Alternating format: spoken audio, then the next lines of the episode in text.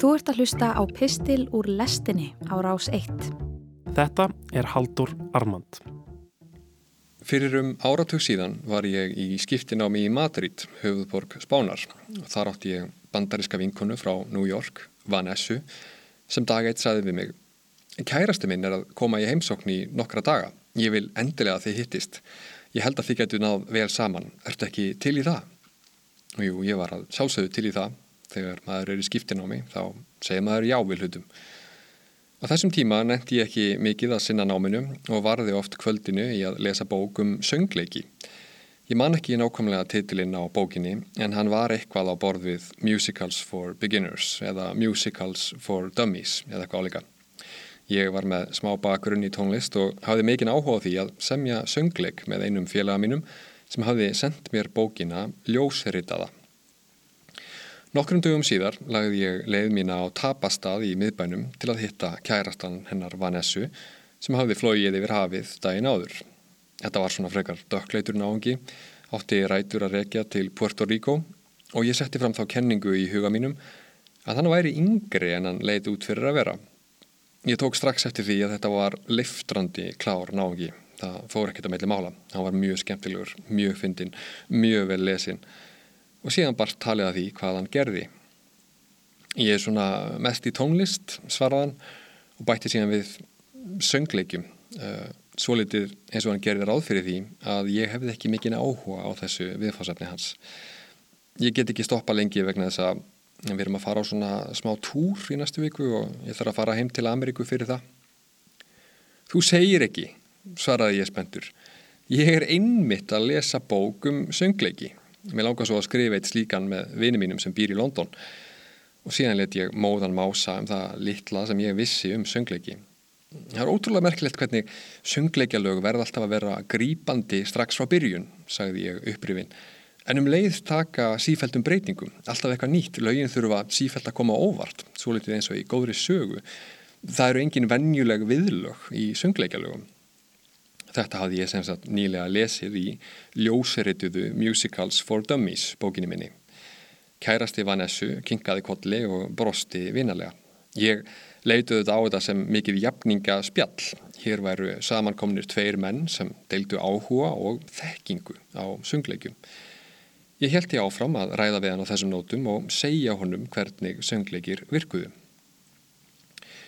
Ertu að vinna að einhverju nýju núna? spurði ég áhuga samur. Já, reyndar, svaraði kærastinn. Ég er að vinna svo litið sérkennilegri hugmynd. Um, hefur þú heyrt um Alexander Hamilton? Kannastu við það nafn? Auðvitað gerði ég það.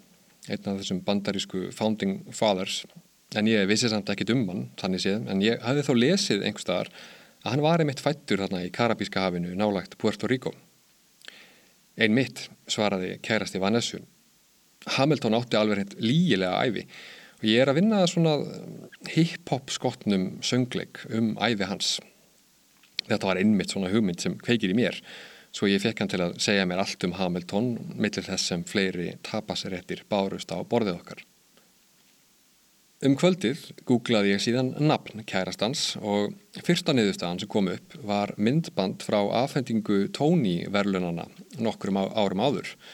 Tony-velunin eru sem sagt svona eins og Óskars-velunin fyrir Broadway. Þar sem kærastinn hafði unnið Tony-velunin fyrir besta söngleikin þetta árið, söngleikin In the Heights. Ég horfi á kærastan Kissa Vanessu í áhörundasalnum og ganga svo skælbrósandi upp á svið undir Big Band tónlist til að taka við verðlaununum. Já, ég endur tek, verðlaununum fyrir besta söngleikin á Broadway. Þetta var maðurinn sem ég hafi verið að útskýra söngleiki fyrir fyrrum daginn, vopnaður upplýsingum úr ljósritaðari bók sem hétt Söngleikir fyrir hálfvita. Þarna laðist yfir mig djúb skömm, nægilega mikil til þess að ég gæti skellt upp úr yfirinni. Þetta var eitt af þessum augnablökum þar sem hláturmanns er raðgáta. Síðan þessir tveir risar söngleiki heimsins áttu sitt jafningja spjall í miðborg Madridar fyrir áratug síðan.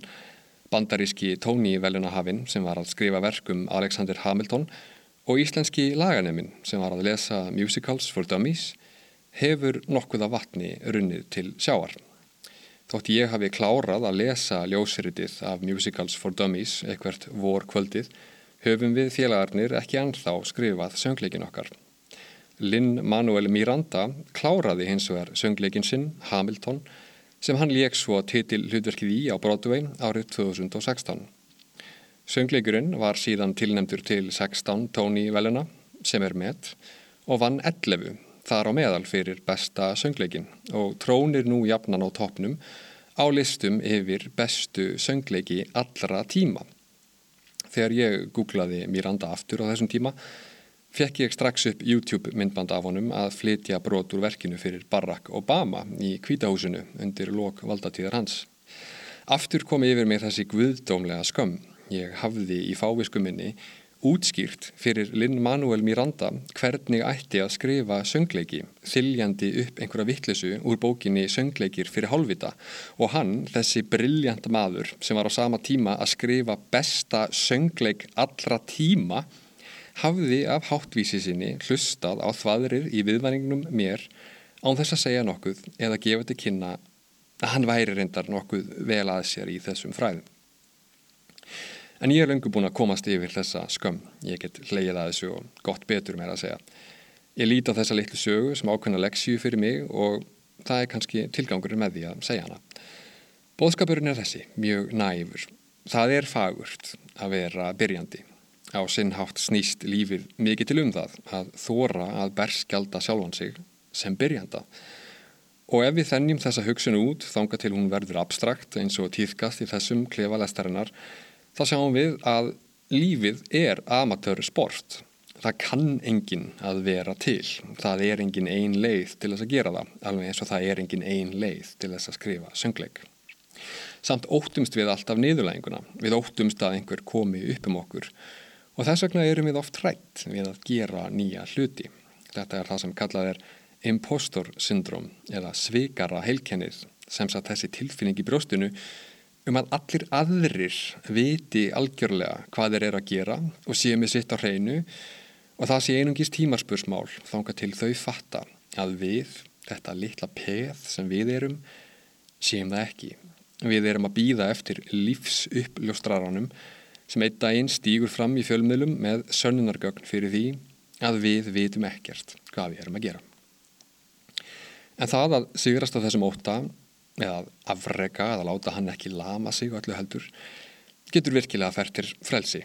Svo næst þegar þú fyllist Eva til dæmis kakvar því hvort þú er að sækjum nýja vinnu og ferða að hugsa æjað, þú kunni nú öruglega ekki að gera neitt svona.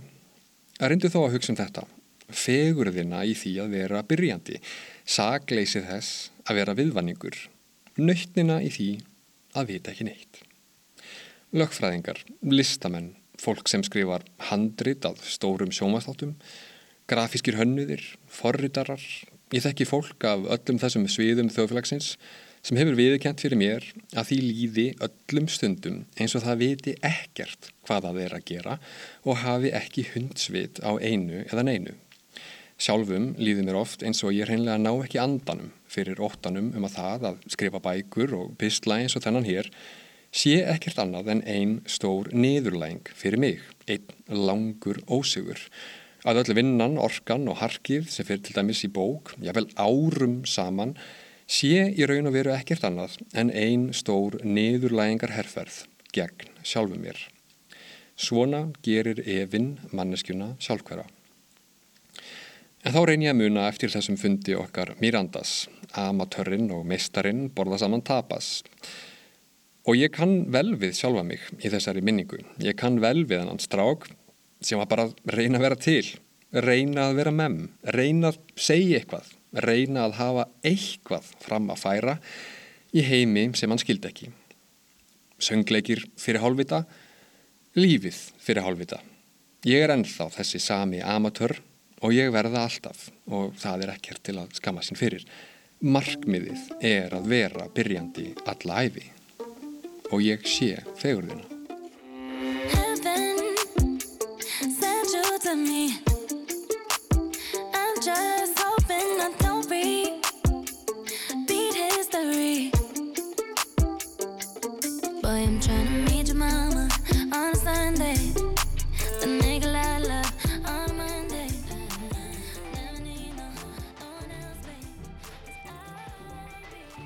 Þú varst að hlusta á Haldur Armand. Ef þú fílaðir þennan pistil og vilt heyra meira, getur gerst áskrifandi að lestinni hér í hlaðvarpsappinu þínu. Rás 1 fyrir forveitna.